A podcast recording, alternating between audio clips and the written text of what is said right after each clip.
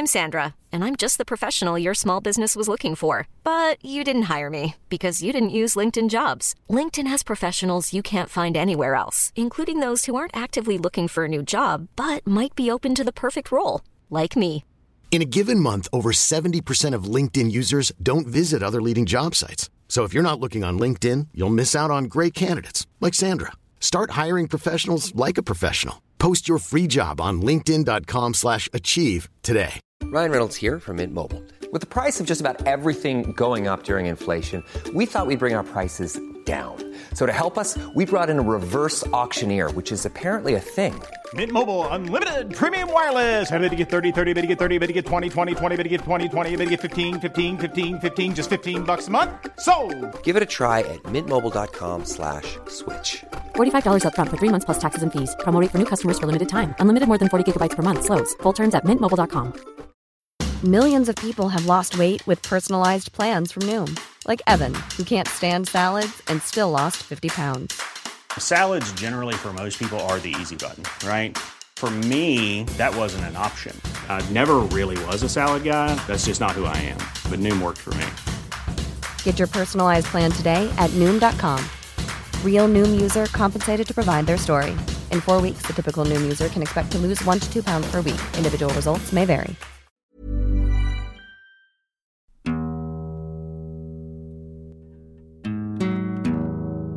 Hei og velkommen til Orderud-mysterier. Jeg heter Halsten.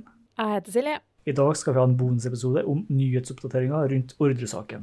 Ja, det er utrolig spennende. Det har jo vært masse nyhetsoppdateringer det siste før det her. Tidligere så var det jo et nytt DNA-treff mot Kristin Kirkemo. Og det her er jo noe de ikke har funnet ut av før nå ca. Ja, 24 år etter uh, saken. Så det er veldig spennende og interessant for de som ønsker saken gjenopptatt, fordi det kan jo bety at uh, ballen ruller, det skjer noe i saken, så uavhengig om de får den tatt opp eller ikke, så kan det hende at de nærmer seg et svar, og det tenker jeg må jo være positivt etter den lange ventetida. Ja, Vi kan jo ta kort at Per Overrunke Orderud sendte inn en begjæring om gjenopptakelse i 2018. Men kommisjonen har ikke behandla saken før i år. og Nå har de møttes et par ganger i hvert fall og diskutert saken. Vært på befaring på Ordre gård bl.a. Og sendt inn eh, barnålsporene til analyser. Så de jobber jo ganske aktivt med saken, og det kommer sannsynligvis et svar. Om ikke i høst, så i hvert fall på nyåret, om saken blir gjentatt eller om den blir avslått. Ja, og det er jo det her Barnål-beviset som er siste nytt. Kan ikke du fortelle litt hva som har kommet ut? Det ble funnet noe barnål på parken til Kristin Kirkemo, som skulle analyseres opp mot skogen bak kårboligen. Det ble sendt inn til NIBIO, altså Norsk institutt for bioøkonomi, og deres konklusjon var at kvaliteten på barnehårene var for dårlig til å gjennomføre analyser. Dette er jo ganske nedslående nyheter for Per og Veronica Orderud, som har lyst til å teste disse barnehårsporene helt eh, siden 2002 og rettssaken. Men Silje, hvorfor er det så viktig for Per og Veronica Orderud å få testa de barnehårene? Nei, det er jo flere grunner til det. For det første, for å få en sak gjenopptatt, et av punktene som kan føre til gjenopptakelse, er at et bevis som ikke har vært oppe i retten fra før av, kommer på banen. Og dette ville vært et nytt bevis, disse barnålene som ikke har blitt testa, dette utdraget av eh, barnåler. I tillegg til det så vet vi at Kristin og Veronica og Per de hadde jo helt forskjellige forklaringer på hva som har skjedd. Kristin var veldig på at det var Per og Veronica som hadde planlagt drapene. Per og Veronica stilte seg uforstående til det her, og pekte mer i retning Kristin. Og så vet vi jo, som vi også har en, eh, en egen episode om, da det skal sies, at det ble funnet et barnål i en parykk som angivelig skal ha tilhørt Kristin Kirkemo. Dette barnålet ønska de å få test, og hvis det hadde vist seg at dette barnålet var på parykken som Kristin hadde hatt på seg, så hadde jo det vist at hun hadde løyet om at hun aldri hadde vært i skogen bakom kårboligen. For det er jo dette barnålsbeviset de ønsker å teste, barneholdet som er tatt fra bak kårboligen. Kristin har sagt at hun aldri har vært der, og hvis det hadde vist seg at hun hadde vært der, så hadde det vært naturlig at hennes forklaring ble svekka.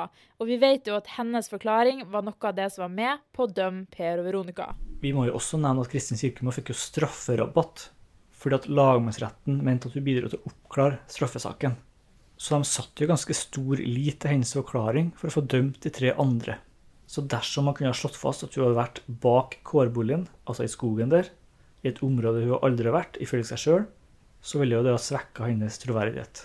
Absolutt. Det vil jo ikke si at Per Veronica Orderud er uskyldig hvis de kan forklare at Kristin har vært der, men siden det svekker hennes troverdighet, så kan det også svekke hennes troverdighet med tanke på at hun er den eneste som sier at det har skjedd drapsplanlegging på lille julaften, at Per og Veronica ba om våpen, og alle de tingene vi har snakka om tidligere, da, som Per og Veronica har nekta for. Ja, Det sentrale det er jo det hun forteller om drapsplanene, og at du har en del detaljer som påtalemyndigheten mener beviser at det skjer drapsplanlegging, men dersom du kan påvise at hun har vært bak skogen, og at man kan sannsynliggjøre at Kristin har en del med drapene å gjøre, så vil jo det kanskje peke i retning av at hun kunne ha sittet med den informasjonen fordi hun har vært til stede sjøl under drapene.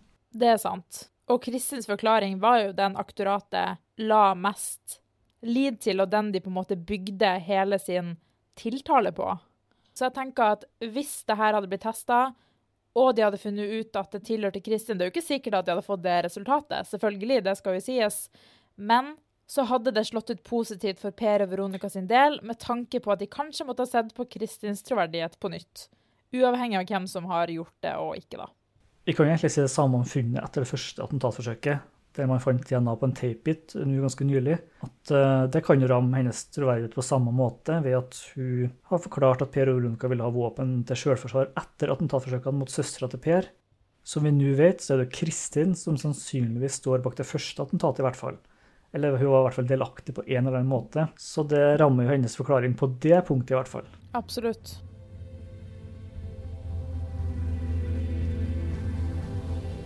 Det du nevnte i stad, med at man trenger nye bevis for å få en sak gjentatt, det er ett av vilkårene. Men for å presisere litt, så er det ikke nok at du bare har et nytt bevis. Det må også være et bevis som er egnet til å føre til et annet resultat, f.eks. frifinnelse eller lavere straff. Og der så er det en helhetsvurdering som inngår, der man må vurdere de nye bevisene opp mot bevisene som var lagt fram i retten tidligere. Selvfølgelig, og det er jo andre momenter som også kan eller bør være med for at en sak skal bli gjennomtatt, bl.a. saksfeil og sånne ting. Så det er jo ikke bare nye bevis, og det er jo ikke sikkert at dette beviset hadde vært nok. Men jeg tenker alle bevis, alle nye bevis, er jo positivt for noen som ønsker å få en sak gjenopptatt. Absolutt, det skader i hvert fall ikke mulighetene. Det er jo forskjellige vilkår som kan føre til en gjenåpning av en sak. De viktigste grunnene til at en straffesak skal få en ny behandling, det som vi allerede har vært inne på, at det foreligger nye bevis eller omstendigheter som kan være egnet til å føre til frifinnelse eller gi mildere straff. Punkt to er at en internasjonal domstol eller FNs menneskerettighetskomité har funnet at en avgjørelse eller saksbehandlinga som ligger til grunn for avgjørelsen, er i strid med folkeretten, sånn at det er grunn til å anta at en ny behandling av straffesaken vil føre til et annet resultat. Punkt tre innebærer at noen som har vært sentral i saken, har gjort seg skyldig i et straffbart forhold knytta til saken, og at det ikke kan utelukkes at det her har hatt påvirkning på dommen. F.eks. kan det være bevis som er forfalska, eller at et vitne bevisst har gitt uriktig forklaring. Og Det siste punktet som er oppført på Gjenopptakelseskommisjonens nettside, er at det foreligger særlige forhold som gjør det tvilsomt at dommen er rett, og tungtveiende hensyn som taler for at skyldspørsmålet skal prøves på nytt. Og Det er ikke noe krav at det må være flere vilkår til stede, det er nok at bare ett vilkår er oppfylt.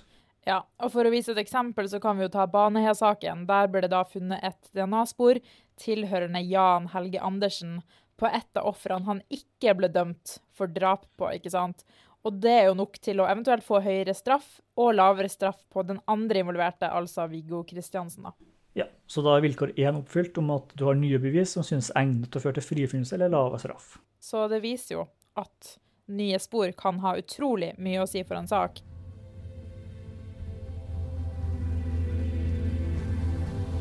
Men når det gjelder vilkår nummer to, da, at uh, noen har forfalska eller manipulert bevis, så var det kjent at Per Orderud anmeldte Tore Per Bakken, som også etterforska Orderud-saken i sin tid, for å ha forfalska noe bevis rundt uh, våpenfunn.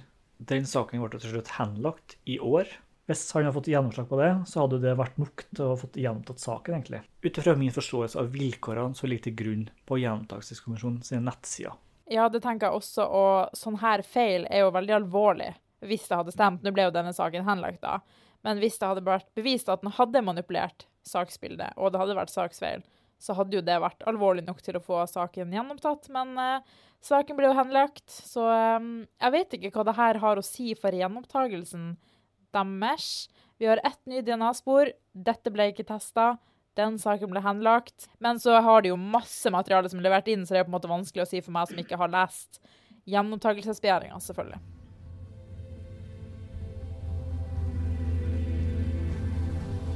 Den andre oppdateringen vi skal prate om i dag, handler om det som mange har omtalt som det såkalte drapsmagasinet. Ja, og hva var det som kom fram der? Der kom det fram oppsiktsvekkende resultater. Og kort fortalt så var jo det våpenmagasinet det ble funnet i leiligheten til Lars Grønnerød. Ja, Kripos mente jo at hylsene som ble brukt under drapet, har blitt lada i et magasin som ble funnet hos Lars Grønnerød.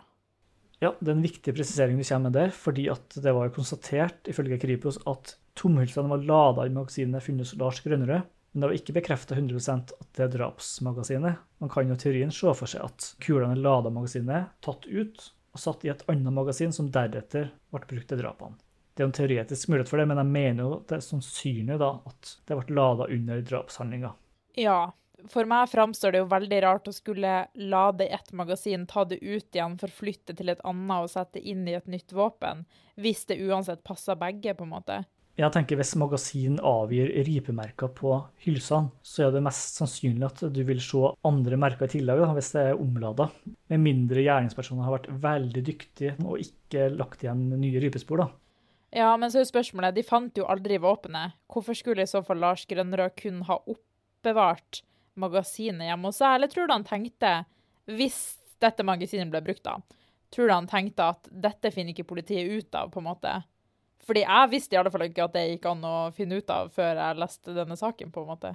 Altså, Vi må jo 24 år tilbake i tid, og på den tida så var det ikke så veldig mange som visste at eh, magasin kunne avsette spor på hylser som kunne identifiseres. da. Det var vel kanskje allmennkunnskap at våpen kunne spores tilbake. Men magasin det tror jeg ikke de aller fleste visste. Spørsmålet om Lars Grønnerud visste her, det blir jo bare spekulasjoner. Det er jo helt umulig for oss å svare på. Men det kan jo være forklaringen på hvorfor magasinet ble funnet i leiligheten, mens det tilhørende våpenet var sporløst forsvunnet. Hvis det var Lars Grønnerud, det har ikke vi holdepunkter for å si. Det kan jo også ha vært noen andre som har lånt våpenet eller stjålet våpenet og plassert magasinet i leiligheten hans. Ja, selvfølgelig. Vi sier jo ikke at Lars Grønnerud har vært med på drapene. Nei, Han hadde også et eh, alibi ifølge politiet, der han har ringt kontofon og brukt telefonen sin. Men at han kanskje har oppbevart våpen eller våpenmagasin.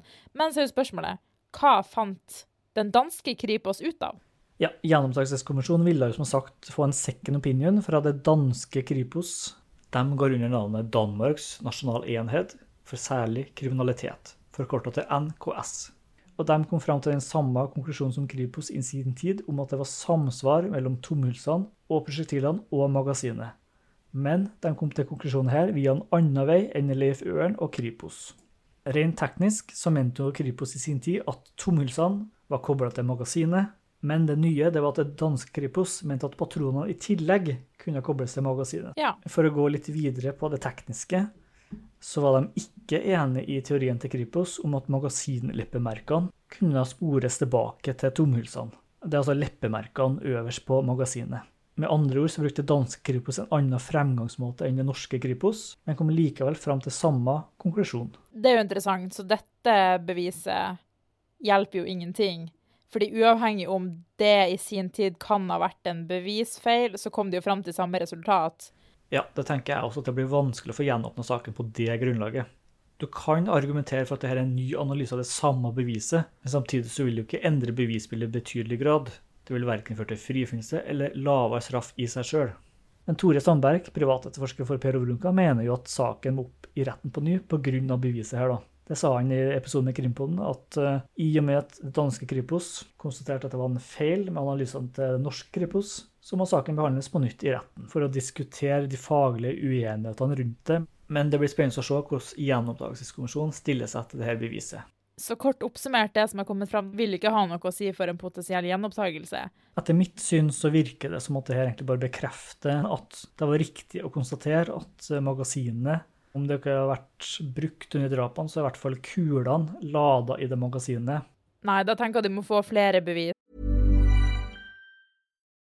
Millions of people have lost weight with personalized plans from Noom, like Evan, who can't stand salads and still lost 50 pounds. Salads, generally, for most people, are the easy button, right? For me, that wasn't an option. I never really was a salad guy. That's just not who I am. But Noom worked for me. Get your personalized plan today at Noom.com. Real Noom user compensated to provide their story. In four weeks, the typical Noom user can expect to lose one to two pounds per week. Individual results may vary. How would you like to look five years younger? In a clinical study, People that had volume added with Juvederm Voluma XC in the cheeks perceived themselves as looking five years younger at six months after treatment. Look younger, feel like you. Add volume for lift and contour in the cheeks with Juvederm Voluma XC. Reverse signs of aging by adding volume to smooth laugh lines with Juvederm Volure XC. For important safety information and to find a licensed specialist, visit juvederm.com. That's J U V E D E R M.com. Not for people with severe allergic reactions, allergies to lidocaine, or the proteins used in Juvederm. Common side effects include injection site redness, swelling, pain, tenderness, firmness, lumps, bumps, bruising, discoloration, or itching. There's a risk of unintentional injection into a blood vessel, which can cause vision abnormalities, blindness, stroke, temporary scabs, or scarring. Talk to a licensed specialist to find out if it's right for you. på banen. DNA-treffet mot Kristin Kirkemo kan være en eh, positiv faktor for en eventuell gjenopptakelse. Samtidig så vil jo fortsatt Kristin ha blitt dømt. Kunne jo eventuelt ha ført til at hun hadde blitt dømt eh, mer, men saken er jo forelda. Altså saken om eh, attentatforsøkene er jo forelda, så hun kan jo i teorien ikke bli dømt der. Og da er jo spørsmålet er det nok til å få saken gjenopptatt. Det er jo et spørsmål som Gjenopptakelseskommisjonen må gå inn og vurdere. Men i og med at attentatsakene er forelda, så tror jeg det må mer til at du må sette beviset i sammenheng med øvrige bevis for at det skal føre til en gjenåpning. Det er litt vanskelig å svare på uten at vi har det foran oss og vet nødvendigvis Vi vet jo ikke hva de har av materiale, egentlig ikke. Bortsett fra små drypp her og der i media. Blant annet så er det noen påstander om luger og ruger, altså at det kan ha vært to forskjellige våpenmerker som har vært inne i bildet, men det skal vi prate om senere. Nye vitneavhør, også spor rundt 180-samtalen som ikke har vært opp før. Så det er jo mer enn noe materiale å vurdere, men totalt sett så vil jeg si at de oppdateringene vi har pratet om i dag, i hvert fall ikke styrker en gjenåpning. Særlig nyheten om at kvaliteten på barnevernet var for dårlig til å teste. Det er jo nedslående nyheter for Per og Brun Orderud, som hele veien har ønska å få det undersøkt. Absolutt, og selvfølgelig vitneavhør og utsagn kan jo være positivt for en sak.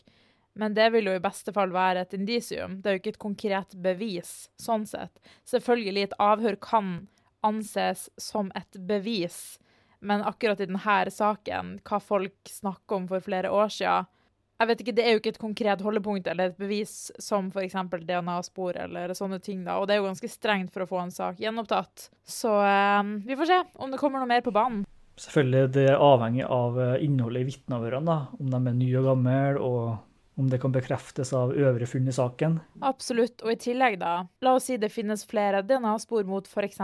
Kristin Kirkemo, la oss eh, si det, at de hadde funnet noe mer materiale. Det betyr jo ikke nødvendigvis at Per og Veronica er uskyldig. Kristin ble jo også dømt i saken.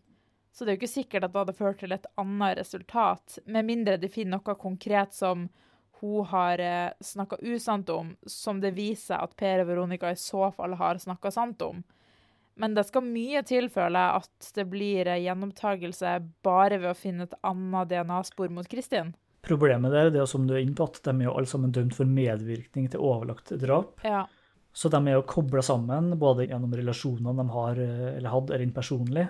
Kristin var jo søstera til, halvsøstera til Veronica. Og så har jo Kristin som kjent forklart at Per og Veronica planla drapene. Noe som politiet, statsadvokaten og til slutt retten trodde på. Så det er jo vanskelig på en måte å koble seg helt fra Kristin.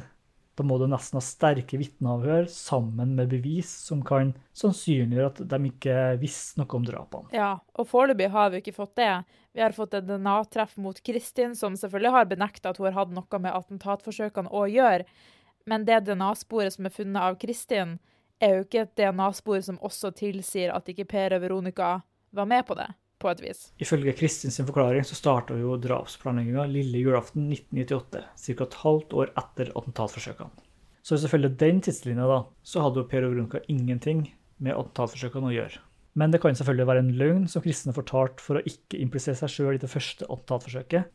Så i teorien så kan jo Per og Brunka også visst om attentatforsøket.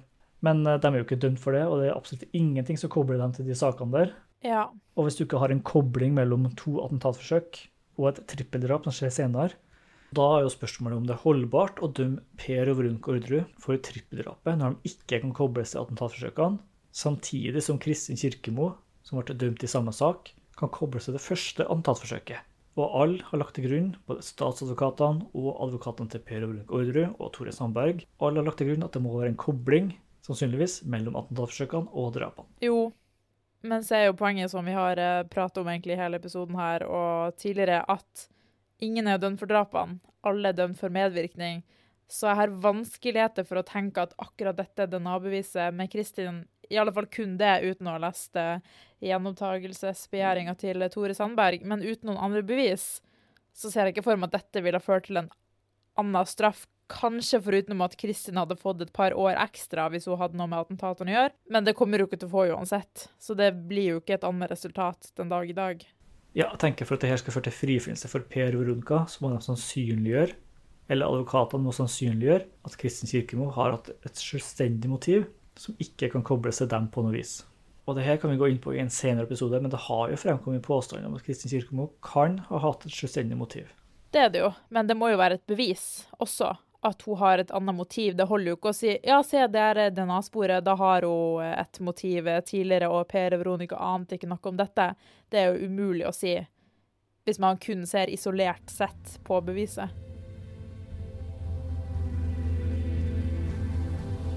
Det var det vi hadde i dag. Følg oss på Instagram, YouTube og TikTok. Dere heter vi for. Ordre mysterier. I neste episode skal vi endelig ta for oss attentatforsøkene. Ja, Det blir meget spennende og veldig interessant nå i lys av det nye DNA-sporet som har kommet fram. Da ønsker vi alle sammen en fin dag videre. Ha det bra.